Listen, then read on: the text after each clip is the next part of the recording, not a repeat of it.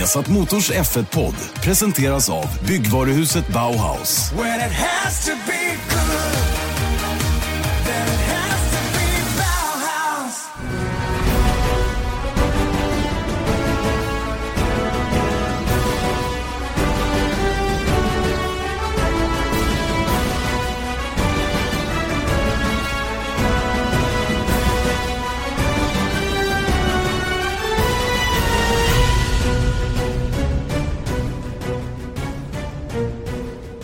Mycket välkomna till veckans Formel 1-podd. Vi har satt Motors Formel 1-podd som idag är utlokaliserad till centrala Stockholm. Erik Stenborg och Janne Blomqvist sitter i en skön soffa och fåtölj uppe på Hotell Kungsträdgården. Varför gör vi nu detta? Jag vet inte. Inte jag heller. Nej. Det är jättekonstigt. Nej, men det är nämligen idag, måndag, den 14 augusti 2017, så är det galapremiär för The Super Swede, Mm. dokumentärfilmen om Ronny The Super Swede Pettersson. Det är därför vi är här. Det är därför vi är här ja. Och vi eh, har ju suttit här och fnulat lite grann på vad man själv känner runt Ronnie Pettersson såklart. Eh, Eh, det blir ju en liten annorlunda podd där till att börja med. Vi är ju fortfarande mitt i sommaruppehållet. Det är någon vecka kvar innan det liksom sparkar igång på riktigt allvar. Så Och vet du vad? nej. Det är avsnitt nummer 100. Ja det är det ja. Vilken, vilken fir, firande! Vi, det är ju jubel och, jubel och klang. Vi får nästan öppna en flaska skumpa när vi är klara här. Så. Jag ser den där borta. Perfekt. Det stod nog med 007 på här också bakom mig. Okay. Hur som helst, eh, avsnitt nummer 100 ja, som då blir dedikerat till den här filmen då, The Super Swede, som är en dokumentär om Ronnie Pettersson. Vi ska prata mycket, mycket mer om själva filmen, men det är ju ingen idé att vi pratar om den tillsammans, utan det är bättre att göra det med huvudpersonerna då, som är eh, Henrik Jansson Schweitzer som är regissör, Emerson Fittipaldi 1973 års världsmästare i Formel 1 som, eh, nej 1972 års världsmästare i Formel 1 som körde tillsammans med Ronny 1973 eh, och som är god vän med Ronny. Han är också med i filmen. Och så Nina Kennedy då, Ronnys dotter som finns på plats här också. Vi ska höra dem lite längre fram. Men, Ganska men, bra line-up för en, en eh, ett hundrade podcast. Ja, på något sätt så är det det. Och så när man då toppar det med dig och mig Mm. så blir det liksom det ultimate. Det är ju fotomangen som vägrar vara med fortfarande. Ja, exakt. Men han är, han är Instagram-kändis. Han är det, han måste hålla sig till det. Mm. Han står här hålla sig borta och försöker trycka någon annanstans. Skydda varumärket lite. Han hälsar i alla fall. Ja, vi ska göra video snart Magnus, jag lovar. Eh, hur som helst, eh, vad, vad kände du kring Ronny? Du var inte ens född när han gick bort. Nej, det dröjde drygt fyra år. Eh, knappt fyra år, beroende på hur man räknar. Ja. Om man räknar rätt eller räknar fel. Okej. Eh, men det är ju det som är lite grejen också att är man svensk och motorsportintresserad eller Formel 1-intresserad, jag menar Ronny är där, alltid. Mm. Och det har han alltid varit. Och det, liksom, jag, jag vet inte när jag liksom hörde om Ronny, men det, det, det, är liksom, det är så pass att det finns inget direkt minne, utan han, Ronny Pettersson har alltid funnits med. Men då undrar jag så här, okej. En, eh, en kille nu som är född 2001 och som eh, när han blev 7-8 år började sitta vid tvn och se på Viasat Motor och se den stora Janne Blomqvist och den lite mindre Jelly prata Formel 1 i tv. Är han verkligen, vet han vem Ronny Pettersson är verkligen? 8, 9, 10 år gammal. Jag tror att han gör det. Eller i varje fall har hört talas om honom. För att om man har någon form av, att- jag säger inte att vi har utbildat dem till det, men har han liksom eh, en pappa eller en mamma eller en syster som är också intresserade som kan berätta för honom. För det, men det är ju det som är grejen, att om man tittar på jag menar, Lill-Övis, han körde, jag vet inte hur länge han körde, det var ju nästan Eh, åtta år blir det va? åtta år. nio, sju eller åtta år. Han körde för Ferrari, han körde för McLaren, han Mm. tog Han var ju länge den som hade tagit flest, flest pallplatser utan att vinna. Ja. Mm. Så att jag menar, han var en bra och stor förare i, från Sverige, men han blev ju aldrig liksom någon nationalhjälte. Han fick inte ens vara med bland 56orna. Nej, Stenmark, Björn. Borg, Ja. Frank Andersson, Linda Haglund. Fast han är en 56 Fastän han är en 56 och Mm. borde ha varit med där kan jag Ja. tycka. Så han fastnade ju aldrig. Nej. Och sen så är det ju Marcus Eriksson nu som har, han är fortfarande, han kämpar ju framåt och alla hoppas ju att det ska liksom verkligen lossna. Och då får man ju se hur det blir. Men fortfarande idag så är det liksom, jag skulle säga att om någon, skulle man gå ut på stan och fråga så här, säg en Formel 1-förare från Sverige. Kanske inte tioåringar skulle säga det. Tioåringen kanske inte hade sagt, vetat någon, men jag tror de flesta fortfarande hade sagt Ronny Pettersson över Lillövis och Marcus Eriksson. Mm. Det tror jag också. Så så stor var han. Mm. Och som vi kommer höra det, liksom att eh, bara siffror att, eh, jag menar hur, hur stort Formel 1-intresset var i Sverige på den tiden var Mm. helt sjukt egentligen att tänka sig. Ja det var det verkligen och, och att alla bänkade sig en söndag när vi, de få gånger det sändes på tv för det var ju verkligen inte varje söndag. Det var inte lika många race heller som det är idag så det, var, det var en annan värld helt klart Mm. när Ronnie Pettersson tävlade i Formel 1 och, och man såg på det 39 på år riktigt. Det är helt otroligt vad tiden går. Mm. Och eh, man, man blir påmind om hur gammal man själv är om inte annat. Jag var alltså 11 år då när Ronny omkom, eller när han kraschade den här söndagen. Och det klassiska är ju, och alla vet vad man gjorde just den här söndagen, du vet ju definitivt vad du. Eh, Jag berättar det här många gånger men jag stod i ombytt och skulle spela fotboll. Eh, Jag hade precis dragit på, då på den tiden bytte man ju om hemma. Det fanns väl inga omklädningsrum där jag lirade. så man fick göra det hemma. 39 år sedan tror jag. Ja, man skulle springa iväg till, eh, till eh, tränaren och åka med hans eh, Saab V4 till matchen eller om han hade 99 då kanske. Hur som helst så, så hann jag ju se starten. Och höra de klassiska orden. Är det inte den, den svarta lotusen? Mm. Och du vet det där va? Det är Ronnys bil. Ja. Och man insåg att något allvarligt hade hänt. Men då när man drog iväg sen då in, trodde man kanske inte att det var så allvarligt att han skulle omkomma. Krascher ju- skedde ju hela tiden och sådana saker. Nu var det en allvarlig krasch där och hela den grejen sen morgonen efter. Men, men jag ska ärligt erkänna att jag har ett väldigt diffust minne av efterspelet. Mm. Kraschen, själva kraschen och det har jag ju dels uppdaterat mig på sen jag blev äldre men, men jag har ett extremt diffust minne av, av efterspelet i tidningarna, begravningen, alla de där grejerna. Det är precis som att jag stängde av Mm. eh, hela den processen. Jag visst 11 år, jag satt inte och slukade Expressen och Aftonbladet eller någon annan tidning för att läsa just om de här grejerna. Men samtidigt vet jag att jag var men han var en stor idol för dig, det Ja. har du sagt många Ja, gånger. ja, och det är där jag menar, jag minns ju när, när, när Senna dog, det var ju 94, då var jag 12. mm. Ja, det var i samma ålder då. Ja, och Mm. då, då vet jag att det var ju liksom på löpsedlar, jag gick till eh, kiosken oss och sparade de där eh, löpsedlarna, jag tror fortfarande att jag har kvar dem. Mm. Och det var liksom stort grej, men det vet kanske var informationsflödet var något bättre då också, men jag, jag har ett starkt minne av att eh, det här var inte en svensk, alltså Senna. Nej, nej. Så det var liksom, jag kommer ihåg att rapporteringen runt det var mycket att så här, kolla vad stort det är i Brasilien, att det var som ett fenomen Mm. så, men det var ingen liksom landsår i Sverige för det. Men det, det, det har man ju förstått i efterhand, även om du inte minns det, att det faktiskt var Absolut. en jättegrej i Sverige. Och det är en sån där grej som man har fått läsa på i efterhand då, att det var och hur stor den här begravningen blev och, och när man hör folk prata om att han kanske är den tredje, fjärde, femte största idrottsprofilen genom alla tider. Mm. Eh, jag tycker det är lite svårt att bedöma. Ja, det- det eh, för att det är svårt. olika eror och hela den grejen. Men, men att han är där uppe i alla fall bland de allra största idrottsprofilerna. Det är väl helt klart i alla fall. Och, och därför så tycker jag att en sån här film är alldeles perfekt. Och jag vet att både jag, Eje och du och jag har pratat om det. Eh, varför inte en sån här film är gjord tidigare? Mm. Man har ju till och med dröm eller haft någon egen liten sån här minitanke om att man skulle göra någon dokumentär om Ronnie Petterssons karriär. Det lustiga är att när Eje körde förra året på Monaco Historic Grand Prix, då körde han en March 7-11, eller 7-11. The eh, T-Tray. Ja, The T-Tray som, som Ronny hade kört då under Ett ett, race. ett race ja. Mm. Och då fick vi tanken att då skulle vi hänga på det här.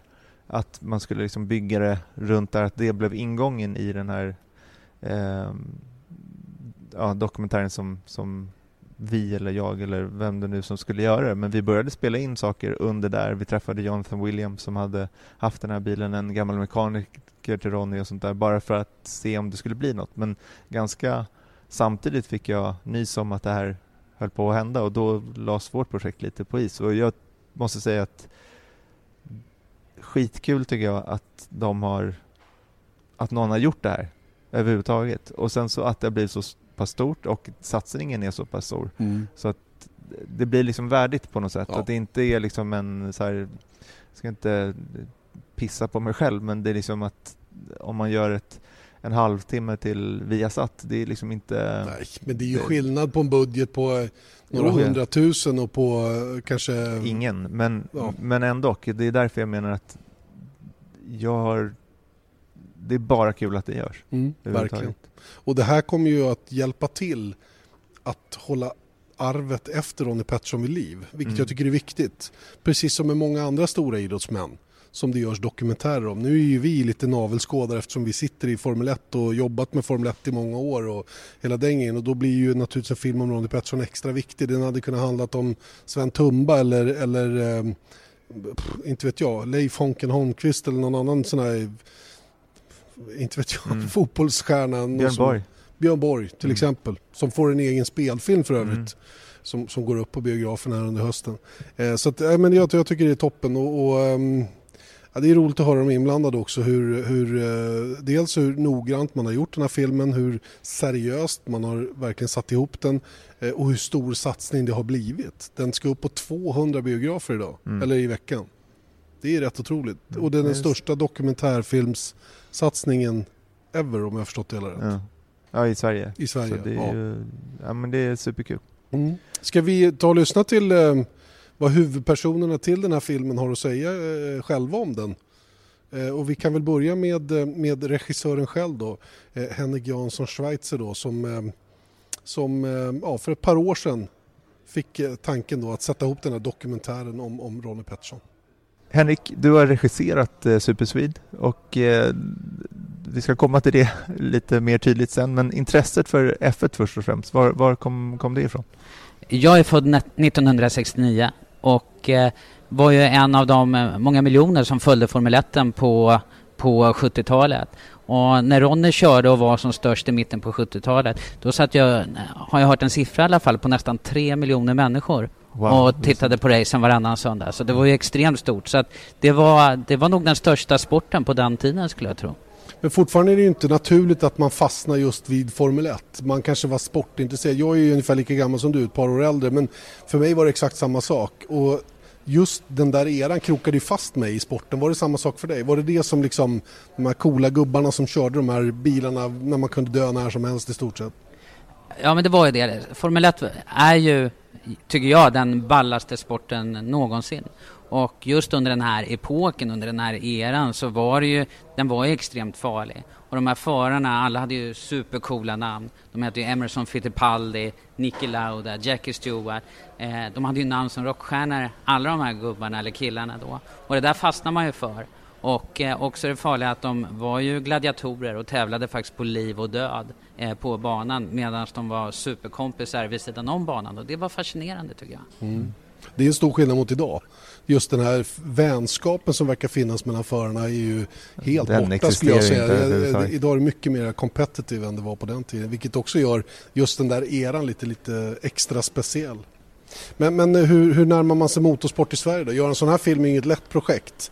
Om man ska liksom få ihop det och en dokumentärfilm i synnerhet då. Kräver lite medel och mycket research, jaga bilder och hela de där grejerna. Hur, har- hur har du gjort? Hur kom du på det för det första? Ja, men det här är nog en dröm. När, när Ronny omkom på, eh, på Monzabanan 1978 eh, så var jag nio bast. Och för mig var det första gången jag förstod perspektivet av döden. Eh, och bar med mig det här ut i livet och funderade mycket på det. Och sen när jag började jobba med eh, film när jag blev äldre så förstod jag att eh, bortanför den här olyckan så fanns det också en fantastisk och en gripande historia att berätta eh, om Ronny men också om den här eh, världen. Så att det här har väl varit en dröm för mig som jag har haft säkert sedan tio år tillbaka och försökt hitta en väg in att berätta historien om Ronny. Och eh, för två år sedan så, eh, så eh, stod väl alla eh, stjärntecken rätt för då öppnas sig möjligheten att göra den och jag tror att tiden var mogen för att göra den också. Inte minst det att jag fick, eh, fick en dialog och träffade Nina Kannerud som är Ronnys eh, dotter som också var väldigt angelägen att eh, bidra och medverka till att den här filmen blev gjord.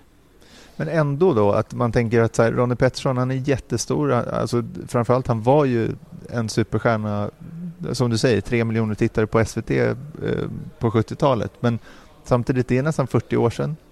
Efter Ronnie så dog ju motorsporten väldigt, ja, nästan Abrupt, helt. ja.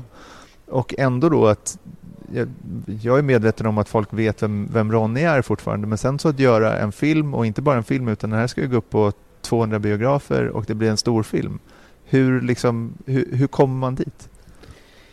Jag tror att det är, det är många faktorer. Eh, för ett par år sedan så var ju dokumentärfilmen den var ju hänvisad till eh, tv-fåtöljerna eller till, eh, till datorn att eh, det är någonting man ska titta på där. Men sen har man haft några stora framgångar eh, på biograferna med Searching for Sugarman till exempel eh, som vann en Oscar eller Jag är Ingrid som som varit väldigt stor och Palmefilmen och så vidare. Så att någonstans så har ju eh, hur man tittar på film förändrat sig lite grann. Och jag tror och hoppas att tajmingen nu för, för den här filmen att den är, är rätt så att inte den bara eh, riktar sig till de som minns Ronny utan även de som är nyfikna på Ronny och motorsporten och den här epoken. För den var så otroligt speciell eh, ur väldigt många aspekter. Mm. Vi har inte sett filmen, men är det, är det en film för alla så att säga? Behöver du vara, ha något intresse av, av motorsport för att kunna njuta av den tror du? Min utmaning lite grann är, tycker jag att när vi, när vi gjorde den här filmen det är att det inte bara ska bli en grabbig eller manlig angelägenhet att gå och titta på den. Och där har ju Ninas medverkan både bakom kameran och framför kameran betytt oerhört mycket. Nina sa ju det till mig tidigt att, att jag har ju inga minnen av min pappa och då förstod jag att jag ska göra filmen för Nina. Och på så sätt så fick vi lite andra ögon in i den här filmen. Och jag vill också väldigt centralt lägga Ronnys relation till Barbro, till sin hustru som också var väldigt delaktig i Formel 1. Att lägga den kärleksrelationen de hade väldigt centralt i filmen. Och jag tror att det har gjort att det är en angelägenhet eh, bortanför de som är motorintresserade bara. Så att jag tror att den har en större publik att hämta och jag hoppas att de kommer att titta. Och även de som eh, inte alls känner till det här. Jag hoppas att de, de får upptäcka ett universum, en värld, en svunnen värld som var eh, jäkligt galen men också helt fantastisk. Eh, så att eh, jag tror att vi, jag hoppas att vi, vi får en publik som inte bara är motorsportintresserade. Vilk- eh, Det låter ju som en jätteutmaning att hitta då bilderna som, som hjälper dig att berätta historien. För det är egentligen det det handlar om. Hur började du? Vilken ända? Berättade du storyn? Hade du storyn klar först och sen bildsatte den? Eller hur jobbar man när man, när man sätter ihop ett sånt här projekt? Jag har under många år jobbat med en eh, duktig manusförfattare eh, som heter Morgan Jensen och han har varit lika besatt av Ronny Pettersson som jag. Och vi har haft en dröm att göra en spelfilm med skådespelare och eh, ungefär som man gjorde Rush om Ronny Pettersson. Men eh, vi insåg väl efter ett tag att det här kommer vi inte ha råd att producera i Skandinavien. Det, jag menar Rush kom ut, den kostade nästan en halv miljard att producera. Att vi kommer aldrig kunna göra det här rättvisa. Eh, så bestämde vi senare att vi går mot en dokumentärfilm och gör en dokumentärfilm istället. Då gjorde vi ändå så att vi skrev ett helt långfilmsmanus precis som att det vore en spelfilm. Och utifrån det så visste vi vad vi skulle leta efter för material och vad vi skulle försöka få in för material när vi jobbade med projektet. Då. Mm. Cool. Vad är svårast med det här då? Alltså vad har varit svårast under den här processen? Jag tycker väl att tonaliteten, hur berättar man den här historien eh, och ger den rättvisa? Eh, de små kreativa valen, vad använder vi för musik till exempel? Eh, det får inte bli för sentimentalt, det får inte bli för... Alltså, hur hittar vi en tonalitet och känsla i filmen? Det jobbade vi hårt med och jag tycker att vi landade extremt fint och även värdigt för att eh, någonstans eh, återskapa de känslorna som Ronny framkallade i folkhemmet när han var som störst. Var det ångestfyllt att släppa ifrån sig slutprodukten? Eller är man så här, ja, nej men nu, boom, okej, och så går den iväg? Nej, det tycker jag inte, men däremot tycker jag det är lite ångestfyllt nu när vi står inför eh, premiären. Eh, när man naturligtvis ligger vaken på nätterna och tänker att kommer någon verkligen komma och titta på den här filmen? Men jag tror det och hoppas det och vi går ju upp på över 200 eh, biografer nu över hela Sverige och jag har ju sett att nu på Facebook och andra sociala medier att det är ett jäkla sug efter den tryck. här. Bra tryck, ja. Verkligen. Så att vi hade på ett par veckor bara på, på den webbsidan som eh, Nonstop Entertainment som lanserar filmen la upp så hade vi 1,2 miljoner eh, Wow. unika klick på det och det är ju helt Det är fantastiskt. cool. Det är ju, visar ju Det- lite grann att intresset finns. Ja, det är mäktigt alltså. Mm. Och alla verkar bära med sig någon form av minne av eh, Ronny Pettersson på något sätt. Man minns vad han var när han förolyckades eller man minns ett lopp eller man kanske till och med har träffat honom och sådär. Så att, Mm. eh, jag, jag hoppas att timingen nu är rätt för att berätta den här fantastiska historien. Och hur tänker du nu när du sitter här idag? Liksom Emerson Fittipaldi gick eh, precis förbi, eh, John Watson i byggnaden, eh, Nina Kennedy, Ronnys dotter. Du har träffat Jackie Stewart, Niki Lauda och fler därtill. Liksom, hur, hur känns det som en F1-fan? Det, det, det, det är ju jäkligt overkligt. Och eh, det som jag tycker har varit gemensamt med alla de här äldre herrarna, det är att jag tycker de har varit extremt intelligenta, intellektuella gentlemän, alla av dem. Och eh, alla har unisont sagt äntligen, varför har man inte gjort den här filmen tidigare? Och Emerson Fittipaldi var ju så angelägen när vi gjorde filmen eh, att medverka och vi hade lite logistiska problem att få ihop det. Sådär. Men han satte sig på ett plan ifrån Sao Paulo, flög upp 13 timmar, medverkade i filmen och flög tillbaka samma dag för att han ville verkligen eh, vara med och bevara eh, arvet och minnet efter Ronny på det sättet. Ja ja, men det är något speciellt där också. Men Verkligen. för du personligen, liksom att bara sitta och... Du är ju kompis. Du sa att du var på Skansen med en från Fittipaldi igår. Ja, det är kul. Vi, eh, Emerson Fittipaldi är en fantastisk eh, människa och han har kommit nu hit till Stockholm för att vara med på premiären. Eh, och han har ju sju barn totalt och eh, jag har en femåring hemma och han har med sig en sexåring. Så att vi gjorde en utflykt på Skansen häromdagen och det tyckte jag var mäktigt. Alltså. Det är stort. Det är inte många som får vara med om sånt. Nej, verkligen inte. Ehm, vi jobbar ju en del ihop med Formula One Management då, som har hand om rättigheterna och har rätten till väldigt mycket äldre material. Jag vet inte hur det ligger till egentligen med det här 70-talsmaterial men hur har du haft det med att hitta racebilder och sådana saker? För det kan jag tänka mig är lite småknivigt när man gör en dokumentär. Så här. och att få filma på banor och sånt där. För det vet man ju också att det är väl massa restriktioner runt... Det är inte så att två veckor innan och två veckor efter som att man inte får ens vara där och filma. Och sånt. Eh, nej men det har varit, det, det svåra har inte varit att hitta material. Eh, som ett F1-fan och intresserad många år, då vet man ju vad det finns för filmklipp. Men det svåra det har varit att lokalisera vem som äger filmklippen. I och med att det ändå är ett par år sedan och det här har gått generationer, upphovsmän har dött och så vidare, så har det varit sjukt svårt att, att spåra vem som äger det. Och när vi inte har kunnat spåra ägarna till klippet, då har vi fått hitta andra lösningar som jag tycker ibland har blivit bättre än det som man kanske har tänkt sig från början. Och kan du ge exempel på andra lösningar? Eh, ja, men jag tycker att jag, eh, om man tittar Niki Laudas olycka eh, 1976 på Nürnbergring, den är med i filmen och har en central roll i filmen. Eh, men där hade vi väldigt svårt att eh, spåra vem som egentligen ägde ägde materialet och klippen nere från Nürnbergring. Och vår producent Mia Sohlman, fantastisk producent, hon envist låg på och det slutade med att vi hittade fantastiskt bildmaterial eh, i en otrolig kvalitet i färg från den olyckan som vi kunde använda. Vilken grej.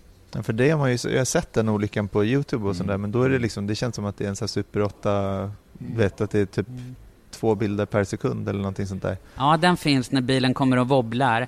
Eh, och det var det enda Brunsvik hade som äger det mesta av materialet från Ja. den tiden. Det är när bilen kommer och wobblar i jättedålig kvalitet. Men precis efter olyckan när John Watson och några andra är framme och hjälper han och iväg med Ja. ambulansen och sådär. Eh, otroligt obehagliga bilder men i fantastiskt då filmisk kvalitet fick vi dem till, eh, till den här. Och det är jag jättestolt över. Du, eh, det här är en dum fråga givetvis. Du följer du Formel 1 idag? Ja, det är jag. Lika noggrant eller mer noggrant nu kanske? Är nej, du på faktiskt nördnivå? inte. Jag är nog, mitt, mitt huvud, nej, jag är inte på nördnivå. Eh, det är klart man kollar när det går på söndagar eh, och så. Det händer väl att jag missar något race då. Eh, Missar du alla kval eller? Mitt mindset är väl fortfarande, mitt hjärna är kvar nu på 60 och 70-talet väldigt mycket. Så att det är där jag har varit de senaste två åren då. Så att jag har lite, och, lite att titta i caption. Du har lite att ta igen där. Ja. Men det är gött. Det finns att titta på många gånger. Eh, svensk motorsport idag, vad, vad känner du runt omkring det? Är vi på väg tillbaka till en storhetstid med, med Marcus som är med på premiären här och att han finns i Formel 1 idag? Ja, men jag, jag tror det och jag hoppas det. Och eh, jag pratade med Emerson Fittipaldi här i, tidigare idag. Han är ju väldigt mån om att eh, intresset ska föras över nu till en ny generation och tycker att den- här filmen eh, bidrar väldigt mycket till det. Eh, och jag hoppas det också. Eh, eh, och eh, vi träffade igår Kungliga Automobilklubben här i Stockholm Just där Emerson eh, vart invald som hedersmedlem. Eh, just i syftet att försöka föra intresse för motorsporten vidare till nya generationer. Trevligt. Henrik Jansson Schweizer, det var ju toppen att få prata med dig i våran Formel 1-podd. Tack ska ni ha. Eh, vi ser fram emot filmen. Jag är som en barn på julafton, verkligen. Jag är ju... Det kan inte bli bättre dag det här. ingen press nu. Nej, Ingen press. verkligen inte. Nej. Ja, det ska jag bli jätte, nu blir jag ännu mer nervös. Ja, men det är bra. Det är jag bra. hoppas ni kommer gilla den. Vi försöker bidra på alla sätt här, även med nervositeten. Ja, jag är superstolt och eh, skulle jag få chans att göra filmen igen skulle jag göra den precis likadan. Bra. Det, Det låter som att du vet vad du har gjort och att den blir bra. Tack ska ni ha.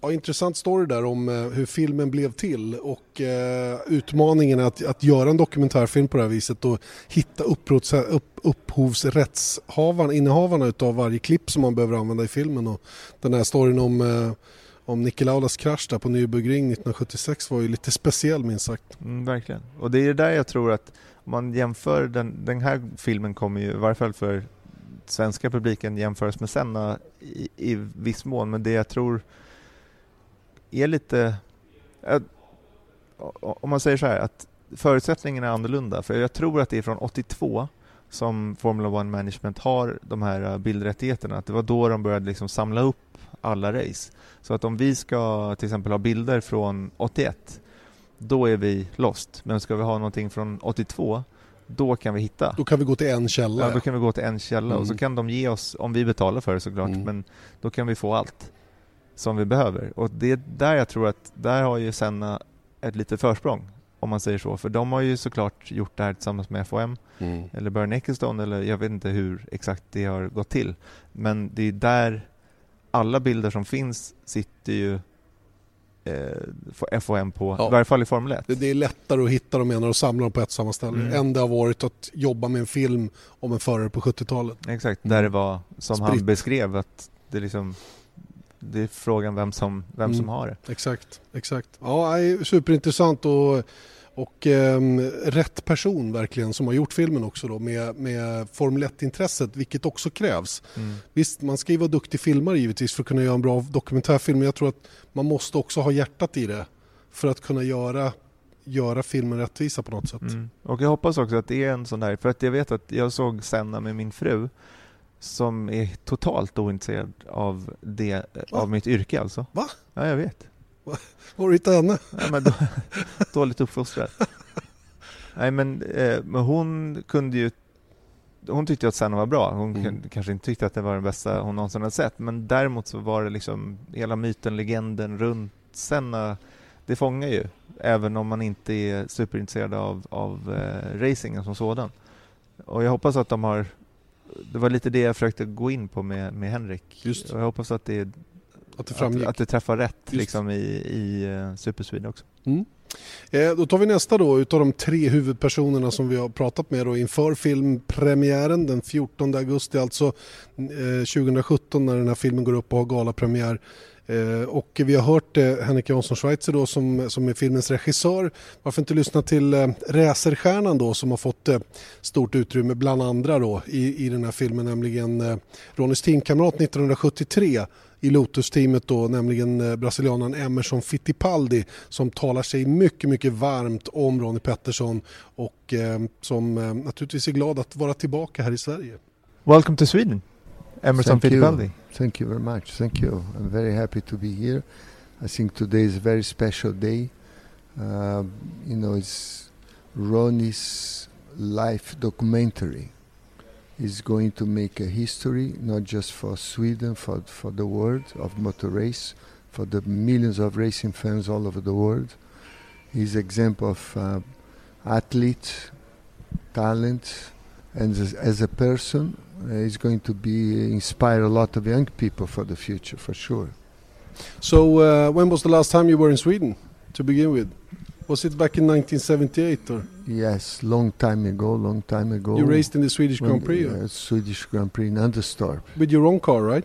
Yes, the last time was my own car. Yeah. Yes. And and the relationship you had with Ronnie, can you tell us a little bit about that? Because uh, you were sort of very very good friends during your racing career. Well, it was uh, special because when I, when I arrived in Europe in 1969, uh, driving Formula Ford, Ronnie was already one of the, the stars of Formula 3. he and Reni Wiesel, you know, Mm. the two Swedish yeah, yeah. stars. And that time was Clay Regazzoni. I mean, a lot of top names in Europe. I was starting racing. And then I met Ronnie uh, mid 69 in a race. First time I raced against Ronnie was in France, in Montlhéry. Montlhéry. When he He turned over. turned upside Oh, down. yeah, yeah, yeah. And I won the race. And uh, since then, we started getting very close friends. Uh, that time, we raced Formula, s- uh, Formula 2 um, a year after, and Formula 1. That means nearly every weekend we're together. It's different from now. yeah. And Barbara was friend of my wife, and we nearly every weekend are together somewhere in the world racing. Was that common that, that you drivers who were competing against each other almost every weekend also became good friends? Was that common? Uh, yes, yes, because with the high risk the sport at that time, um, outside of the cockpit, we were always close friends. Um, I was very close to Ronnie. It was a, a fantastic relationship. Uh, Ronnie stayed in my house in Switzerland. Sometimes I stay at his place in England. Um, was much more than just uh, athlete relationship. Was a friend relationship. Um, and then he was my teammate in 1973. And I had a fantastic relationship with Ronnie. It was very, very special, very special. Ronnie passed away almost 40 years. Yeah, it was almost 40 years ago. And but it's very clear, as, at least to a Swede, that his memory still lives on very much so in the Formula One paddock today. Why do you think that is? Well, I think Ronnie's talent, uh, the way he drive always a racing car with so much natural ability, uh, his car control always very aggressive, always sideways, and uh, I think that's all the racing fans I admire him all over the world. Uh, his style of driving, and uh, you know, he, everyone who works with Ronnie enjoy working with Ronnie. You know, uh, a month ago, I was at Goodwood with the with Clive Chapman. We were talking about you know the the movie that was coming to Sweden, and every mechanic uh, Team Lotus still have a very good memories from Ronnie, including Clive Chapman. I mean that's how he was, Yeah. and I think that's you know sometimes not just the driver, the athlete performing, but outside of the cockpit. And I think Ronnie made a history in, in Grand Prix racing for sure. Yeah. And that was because of his personality or his driving. I mean, I'm thinking of like, I I wasn't born yet when Ronnie died, but I still have, from what I've seen of him, it's he's very down to earth and doesn't. He's Almost a uh, bit shy and, Yeah, and yeah. sort of Yeah. quiet guy. Wasn't he? Was he like that privately as well? He, he was, he was, but he had a very good sense of humor when he knew uh, the the person well, and and I think, um, you know, Ronnie's ability. We we. In, uh, there is a very good expression in English, say that Ronnie was a world champion material. mm. He should be world champion. His ability, his capacity to drive fast a racing car had the potential to be world champion. It didn't happen, but it could happen to Ronnie. You know, we all expect that could happen, and and the way he was behaving outside of the car was very special too. Are going to see in the movie. You know, be interesting to see, and uh, his personality, his behave. I had a lot of fun with Ronnie. A lot of fun. So, coming to the movie itself now, what, when when the question came to be to be in this movie, did you ever hesitate, or was it a clear cut thing to do? was immediately I say yes, and when they invite me to come to the avant premiere, I say yes. We come. I bring my family together because I'm a small part of this big history of Ronnie uh, for motor racing in Sweden and globally. I think it's, a history making today. Uh, his uh, example is going to stay as part of the Swedish history for sports as parts of the motor racing history globally. It's going to stay forever. I, I, I think the film is a fantastic idea. Um, I'm very uh, honor to be part of, you know, the Ronnie's life too. Um, we've seen uh, quite a few films now uh, looking back at the history of Formula One. Do you think that's, uh, that it is a coincidence now that we have new owners in Formula One that you sort of want to show the heritage of Formula One to the new fans coming in? I think so. You know, we, we miss the communication between drivers and the public and the racing fans. Um, when I was two years ago in Hockenheim with my son, um, he was excited to see the drivers, but he only saw four drivers Yeah. Oh, yeah. the whole weekend. Yeah. And, um, you know, I think we need to have more communication. And even so, we came with you, Yes. who probably could get Yeah, every anywhere, driver you want to come and talk yes. to you. Yeah. But they always, you know, they come out of the car, they go to the motorhome, they go to the to the team's meeting, Yeah. and so much uh, energy absorbed by the team, and the driver cannot communicate, and the the public is too far away. Yeah. That's Mm. another problem. But what do you think of Formula One today? Looking at the new regulations and everything, with like it's my feeling is it's getting better on all fronts, pretty much. Do you agree on that? I like the new rules. I think the cars are, are more muscle cars. They look good, uh, better than before. Uh, they, they are faster than before. Um, I think the new mentality is to have more drivers uh, interfacing with the public, the racing fans. I think we are, we are missing. I live um, many years in America, and you see the difference, like in NASCAR where you know the drivers really are all the time in contact with the racing fans and i think that's type of procedure Yep. it has to happen in formula 1 for the future Mm. when uh, i think any sport in the world when the public can have this interface connection with the athlete is is make much more interesting for the public you know and and i think they need to leave the drivers to express themselves more and not so much controlled by the PR people yeah, next I know. to the driver. Have That's to, another problem. No? You see more of the person behind the racing driver. Yeah, I, I agree, and that's that's quite a big difference compared to when you were racing in Formula One and later on in Yes. in the in the US. That we sort of got to know you guys better than And the in- modern Formula One drivers. and in, in Indy and NASCAR in America, you know, if uh, there is a discussion, the driver goes there.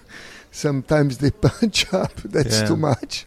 Yeah, well, We don't need to do that. no, no, but But I think the, the, the, the freedom of expression that the drivers, the athlete has to have with the sport, the emotion that any athlete, you know, come out of it, the adrenaline, if he's complaining someone, he should be able to express.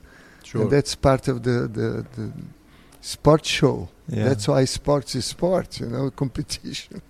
Yeah, and looking at it, you know when Ronnie passed away, it was a big hit for Swedish motorsport in general. It was, I mean, we lost the Swedish Grand Prix, and a lot of companies pulled out and everything. So it was a big deal. And then we had Stefan Johansson, of course, uh, for just, many years. just five years later, yeah. yeah, uh, but he never like became a like The he new- didn't bring up the Ronnie, no. sport. No, he never became the new Ronnie. No. Yeah. How do you see today looking at, well, obviously Swedish motorsports, but with Marcus Ericsson there, what, and Brazil has plenty of uh, good racing drivers and the heritage. Um, you only have one driver left from Brazil in Formula One. A retired one. yeah, exactly, an unretired one. But uh, what do you think is needed to pull, like, to create interest in a country with Formula One? It's a big question, but Well, we, we have the same problem in Brazil when Ayrton Senna uh, had his accident. We lost interest in Formula One. You know, that's you know sponsors pull out. There was less public watching Formula One in Brazil uh, now than before, um, and I think we have to invest in the new generation mm, with the new kids. Uh, you know, the go karting. I think the go kart is the route for motor race. Um, I was talking to Nina, and Nina told me that she has a program to incentive young Swedish kids and drivers to go the way to Formula One. I think we need to do that. Uh, in Brazil, we have a, a lot of incentive for go karting as well to found new talents, and I think that's important for the country. Um, Uh, You see it from up close. You have your own son racing. You have another relative, Pietro, is racing uh, a bit higher up in the in the ranks. Uh, so you, you see you see what it takes. yes. And if you- you're an ex Formula One world champion, and, and still to raise the kind of funds you need to be up there is still very very hard. it's difficult, and I, and I think you need always the, the country, um, Swedish companies, uh, corporations that can help the sport should invest. You know, th- this is, is a great sport. I think it's important to represent the country, um, gives a prestige to the country. I think it's important. I think it's always a good investment on the young generation for the future. So coming back to the movie, then the the Super Swede, it's a proper name to the movie. It's a it's a true name to the movie, isn't it? It's perfect. I, I like, you know, and I say he's a super friends, super champion, and super Swede. Uh, Ronnie represent the Swe- Swedish country as you, you, better than anybody else. I mean, he was always there. His helmet was painted Swedish color, Yep. And I think that's that's great. I like the title. It's perfect for Ronnie. And, and you have seen the movie. Uh, what did you feel instantly when when you when when the closing the closing of the movie was there? You have sort of taken it in the first time. Well, to me, a lot of part of Ronnie's life before I met him, Formula 3, is on the movie. It's very interesting to see, you know, his father helping him on the beginning, with the go kart. building the go-kart. It's similar to what I did in Brazil, Yeah. uh, you know, with my brother. Uh, we start together building go-kart and and you can see that nothing coming for free in life. You know, has been a lot of hard work. It's going to be a good example to the next generation how hard you have to work to succeed, uh, to be perseverant, to be determined to do it, and have the passion for the sport. And I think that's the part that I didn't know from Ronnie that you can see on the on the on the movie. It's very interesting, very interesting how he started racing uh, when his father built his Formula 3 car was another surprise. I didn't know. Yeah, they own, they built their own. Yeah, Yeah. They built their own It's really Formula cool. 3 Yeah. car. Yeah, I mean it's, it's, incredible. amazing. In Sweden, Yeah. and they had a Formula 3 car that Ronnie was racing. Yeah, yeah. And I, I didn't know that. Ronnie never told me that. okay. You know, it was a big surprise only in the movie. And I think when you see the whole history is a fantastic example. Thank you so much. Yeah, thank you so much for, for being on our podcast, and um, we are going to enjoy the movie later on today, and, um hopefully give it give it a good review. Yeah. So um, uh, thanks for coming to Sweden, and uh, enjoy the rest of the stay. Thank you. It's a great pleasure to be here. I'm sure it's going to be a historical day for Sweden today. Mm, det är väl inte så... Det känns lite speciellt ändå. Trots att man är något luttrad efter... Jag har jobbat med det här i nio år, du har jobbat mycket längre, så, så jag tycker ändå att så här, man sitter stort. bredvid är Fittipaldi i en soffa, det känns ju... Det är så stort så det Ja. finns inte. Jag menar, det, hur, förklarar man det för människor? Det är ju det är alltid ett problem när man jobbar med sånt här och, och till slut hamnar i sin egen dröm på något sätt. Mm. Hur, hur sjutton förmedlar man det till någon annan? Det går ju inte egentligen. Man kan berätta det. Ja, Mm. ja men vi satt och intervjuade Emerson Fittipaldi och den som är in, jätteintresserad av Formel 1 tycker jo vad coolt. Mm. Och den som är helt ointresserad av Formel 1 tycker jaha. Men, för jag tror att många ju- som lyssnar på det här Ja. kan få en, en... eh, Jag tror många hade bytt plats. Ja, jo men såklart, såklart. Och vi Formel 1-poddens lyssnare får man ju verkligen hoppas är verkligen mitt i målgruppen för en, en sån här eh, person. Och han är ju eh, en supergentleman på alla sätt och vis. Och ehm, drar sitt strå till stacken då till att eh, promota filmen, vilket han är här för att göra. Men han är framförallt här som gäst till produktionen. Eh, och eh, jag tycker det är stort att han kommer från Sao Paulo hit för att, för att se eh, filmen under galapremiären. Då i Stockholm då, där den går på måndagen den 14 och i Örebro då, där den går eh, tisdagen den 15. Örebro som är Ronny Petterssons hemstad. Och sen så premiär på Vanlig onsdag, premiär på onsdag den den 16. 16. Mm, då går den upp. Mm. För, för eh, alla som eh, vill köpa biljetter och titta på den. Mm. Och sedermera kommer den ju dyka upp på Viaplay faktiskt. Mm, I februari någon gång. Jag Mm. tror att eh, Viaplay har varit med och finansierat den, eller MTG. Just. Så det är jättekul också tycker jag att det finns den, det incitamentet någonstans. Eh, avslutningsvis då, efter att ha hört eh, Emerson Fittipaldi, givetvis spännande också att höra Ronnys dotter Nina Pettersson, eller Nina Kennedy då som hon heter idag, eh, som eh, faktiskt inte känt, känner sin pappa på det sättet som vi andra känner våra föräldrar som fortfarande är i livet. Eh, hon har ju fått lära känna Ronny i efterhand där och det måste ju ha varit en speciell känsla, eh, verkligen då när, när den här filmen gjordes. Välkommen till Formel 1-podden Nina Kennedy, vilken ära! Tack så mycket, min favoritpodd. Ja, vad roligt, vad roligt. Det var ju, det, det det känns största. nästan ännu bättre. Jag blev alldeles såhär, ja okej. Det här kommer bli en känslomässig dag där, det känner jag redan nu. Ronny Pettersson eh, har stor plats i mitt hjärta givetvis då, eftersom jag växte upp då när han raceade. Eh, och nu är filmen klar Nina, hur känns det? Ja, men det känns så otroligt stort. Jag är så stolt över den här filmen så det är inte klokt. Eh, jag är så otroligt tacksam att de ville göra den här filmen och eh, för mig känns det ju som jag har fått världens finaste familjealbum fast i bioformat. Verkligen. Ja. Hur gled du in i projektet då så att säga? Eh, jag blev eh, kontaktad av Henrik eh, som ville intervjua mig för filmen. Och när han träffade mig så sa jag att jag har inte så himla mycket att bidra med i och med att jag var så liten när han gick bort. Och då tror jag att eh, Henrik fick en vision av att det är det här filmen ska handla om för mig och den generationen som kanske inte kände till pappa. Att eh, berätta om honom och hela hans långa karriär som var ju ganska lång innan, innan han gick bort. Mm. Hur, hur, hur, har det känts då, just med tanke på att du bara var två år gammal när han gick bort? Har det varit svårt processen eller har det bara varit roligt eller?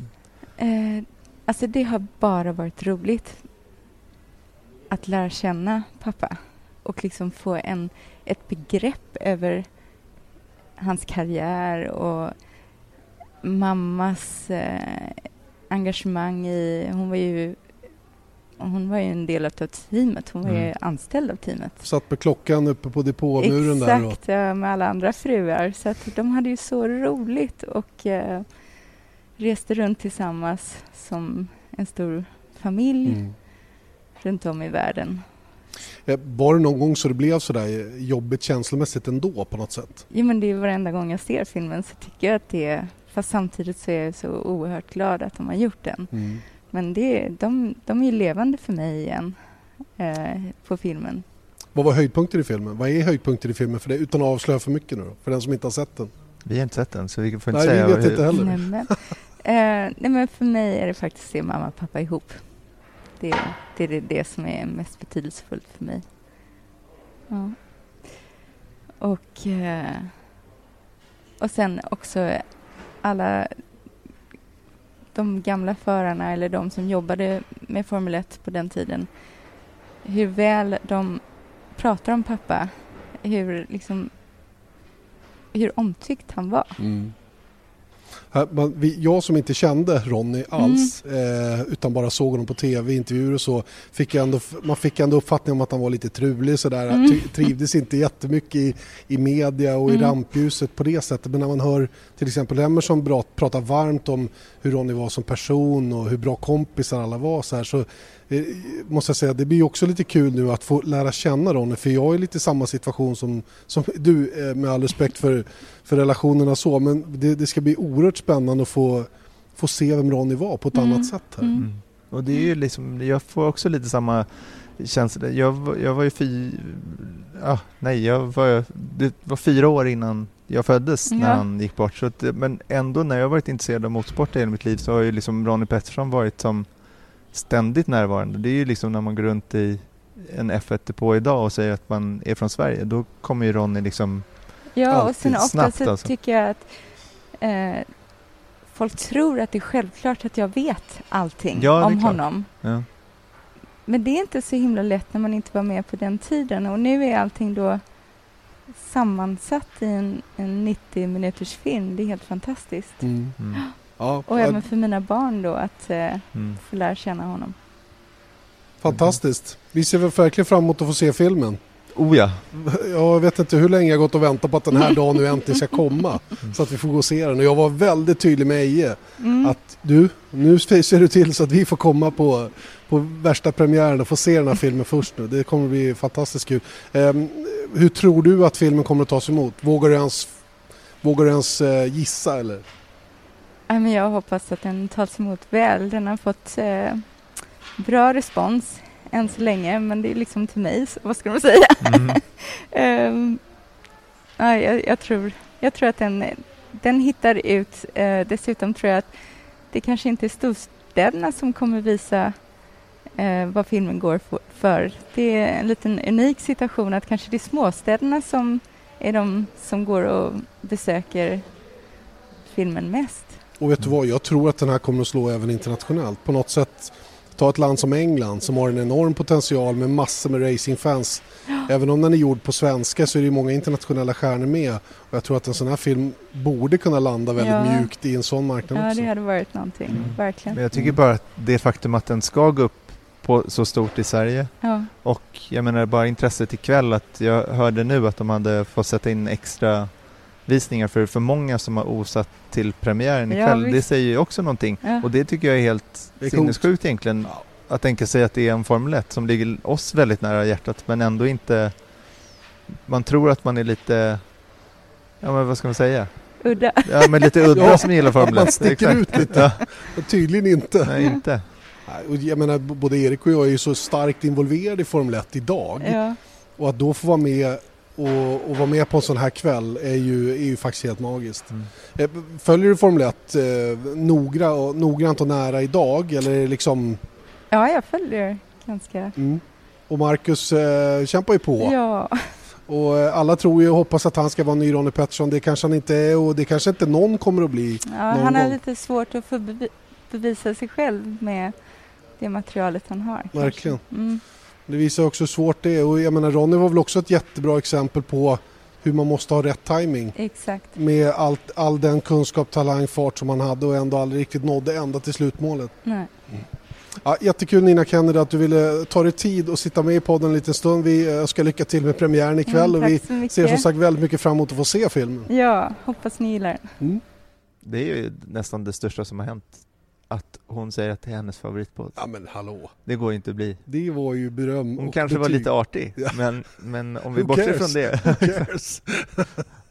ja, jag, jag tar allt beröm oavsett hur det kommer. Verkligen jättekul att Nina hade tid att prata med oss i podden till att börja med en sån här dag i synnerhet.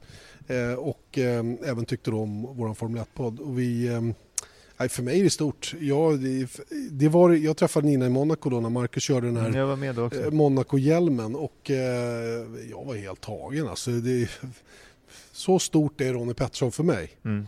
Och eh, det var exakt samma känsla nu när vi Mm. satt oss här och pratade om det. Och det eh, man ser likheten framför allt. Båda mamma och pappa givetvis då, men jag ser ju mest Ronny då. Mm. När man sitter mitt framför Nina på det här viset. Och, och eh, det, är- det, är- det tar, Mm. helt klart. Det gör det. Men det är där jag menar att vi var inne på det efter eh, Emerson-intervjun där. Men att, tänk om du, 11 år gammal eller vad det var, fick spola framtiden bara och se vad du höll på med. Då blir man ju lite lycklig ändå. Eller hur? Mm. Ja, det, är ju, det är helt galet ju. Mm. Verkligen. Och eh, och jag önskar dem verkligen lycka nu med filmen, att den, att den mottas på rätt sätt. Jag tror att publiken idag kommer vara unisont nöjd i alla fall. Eh, mycket gäster, vad sa han Henrik? Tusen, gäster. gäster. Det är ju helt otroligt. Mm. Vad får de plats med alla? Finns det så stora Men biografer? vad jag har förstått så har de behövt ta in en ny eh, biograf. Mm. För att det var, de hade inte räknat med att det skulle osa så många människor. De har bjudit, brett, jag antar att man gör det.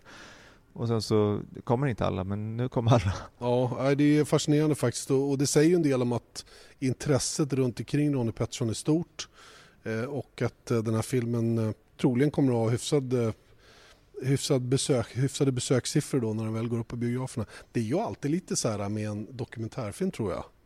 Spelfilmer de har ju en promotionkampanj det har väl den här också haft givetvis. Men en dokumentärfilm är ju inte en spelfilm trots allt. Nej. Och eh, ofta har det ju varit, precis som Henrik sa också till oss, har ju, de har ju ofta varit förpassade då till tv-soffan, att man får sitta hemma och se dem Eh, men, men det här är ju en, det är en cool grej och det verkar ju som om dokumentärfilmerna eh, har, har tagit sig då jämfört med vanlig spelfilm. Ja, men kolla bara på liksom hur, vad, vad alla de här streamingtjänsterna producerar. Att det är Mm. som HBO, alltså det är massa som är verkligen egenproduktioner och det är ofta dokumentärer eller serier eller vad det nu är. Så att eh, jag tycker att det är coolt. Jag älskar dokumentärer. Mm. Det är liksom, det är det jag tittar på nästan. Ehm, så det, jag är glad över en till. Men en grej som jag måste eh, prata om är just det här, vi, vi var inne på det med vissa av de här som vi har precis hört, att vad som hände där när, när Ronny gick bort med motorsporten. Att intresset sjönk ju och det är ju inte så konstigt på ett sätt och att vi förlorade eh, Sveriges Grand Prix är inte heller så konstigt för tank, jag menar, då hade vi en svensk förare i sporten. Men just under så lång tid. Det var egentligen som jag, min känsla är att svensk motorsport existerade inte liksom i mainstream media överhuvudtaget förrän egentligen SCC blev under supertouring-åren. Ja, När var det? BTCC började det Ja, med BTCC. Mm. blev det ju också. Men sen så att STCC, men då har vi pratat om svensk motorsport, att Mm. på hemmaplan. Mm. Och det var intressant för jag var på, eh, träffade en kille i lördags på Rickard Rudells 50-årsfest. Så där, Grattis Rickard Rudell. Ja, grattis. Rickard. Välkommen till the 50s. Precis, ja, jag, jag, jag väntar ett tag. Ja, gör det, gör det. Men då, han hade varit chef för eh, Eh, Volvo, eller racingprojektet inom Volvo. Och han, vi pratade just om, för han skulle gå ikväll också, att när det här satte igång igen och BTCC-projektet med Volvo tog fart och STCC tog fart, att Ronny var nästan fortfarande som ett litet ok i eh, negativ bemärkelse alltså. I, då hans död hade påverkat så många negativt inom motorsporten. Mm. Mm. Och det tycker jag var väldigt intressant att höra, att det var liksom inte bara liksom hans legacy, eller vad man ska säga, blev Och blev en belastning ja, snarare en än en fördel. belastning. Mm. Ja, exakt. Nej, men jag fattar. Och det är, jag hörde ju talas om, eh, jag stötte ihop med det. Jag tror att det var i samband med Rally Uppsala hemma där jag bor och de jagade sponsorer och det var ett, ett företag som ville hoppa på. Då visade det sig att de, när de grävde djupt hade de en policy där det stod att man sponsrade inte motorsport. Och Mm. gissa när den policyn kom till? 1978. Precis, på hösten Mm. 1978. Och det, det säger ju också en del om hur, hur, Mm. hur den här Hur smällen tog blev, ja. liksom, och hur det inte bara påverkade folk eh, känslomässigt utan även praktiskt då eh, när det gäller just den här typen av aktiviteter. Då. Och det ligger väl kvar en del, även liksom Även om det inte är en, en gammal policy som ligger kvar utan det Jag tror fortfarande att det liksom att det finns ett visst motstånd i svenska storföretag.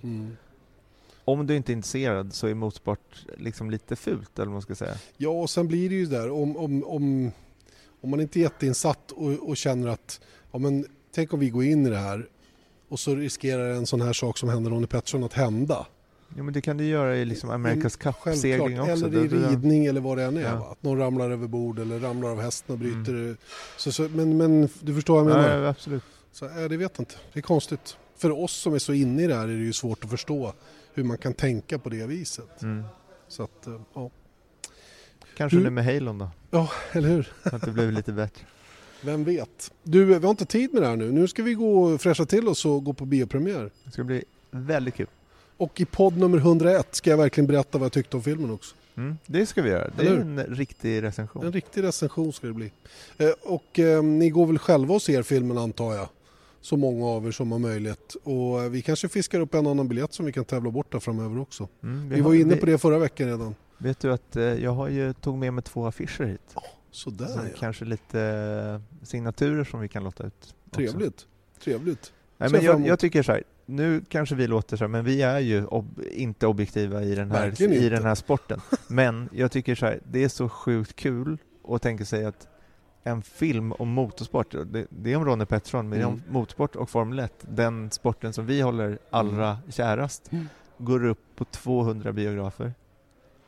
Och det är den största dokumentärsatsningen i Sveriges historia. Mm. Jag menar, det är ju Det är coolt. Ja, det är coolt. Så därför uppmanar jag alla, och det här är ingen spons, det här är ingen någonting sånt, utan det är bara så här, gå och se den här filmen och visa vad vi går för. Verkligen. Glöm inte heller att nej, rösta nej, och visa vad ni i går för. Kristallen-omröstningen. Ja. För det är inte klart ännu. Jag behöver all support. Det var någon som sa till mig igår, jag var på Gelleråsen och tittade på, på STCC. Så sa han så här, säg att du gillar ridsport han, så kommer du få jättemånga Ja, röster. just det, det är smart. Säg att du älskar Peder Fredriksson Exakt. och All In. Jo, men Pe- Peder och jag har varit, jag träffade honom under OS Rio. Mm. Bästa killen. Mm. Har aldrig träffat en bättre snubbe. Jag, Och vad jag, duktig han är att rida minsann. Ja, verkligen. Nej, Du, eh, bort, jag, jag är de som inte var ledsna över Jerringpriset. Sen kanske jag tycker nu när jag gjort den här golfdokumentären med Stensson också, att han hade också förtjänat Jerringpriset. Men Peder Fredriksson och All In, eller Allan som man kallar den, är inte oförtjänta av Nej, det där verkligen priset. inte. Eh, hur som helst, vad vi skulle säga var att ni ska rösta på mig i Kristallenomröstningen. Precis. Jag är en av 12 stycken på Viasat som har blivit nominerade och kan gå vidare till nästa runda då, där det är jurybedömning sen och då har jag tyvärr ingen hjälp av er som, er som eh, hjälper till att rösta fram mig nu. Så eh, gör det, gå in på viasatsport.se, tryck en röst och tryck fler röster för man kan göra det flera gånger dessutom. All right. Jag gör det varje dag. Bra, mycket bra. Mange då? Röstar du? Det gör du inte alls det, jag ser det på dig. Jag ser det på dig. Nej, vi drar, vi drar nu. Vi drar. vi drar nu säger Mange. Ja precis. Det kommer en video med mig och Mange också, jag lovar. Fast inte förrän vi står på röda mattan. Då kommer den. Jag lovar. Mange passar på röda mattan.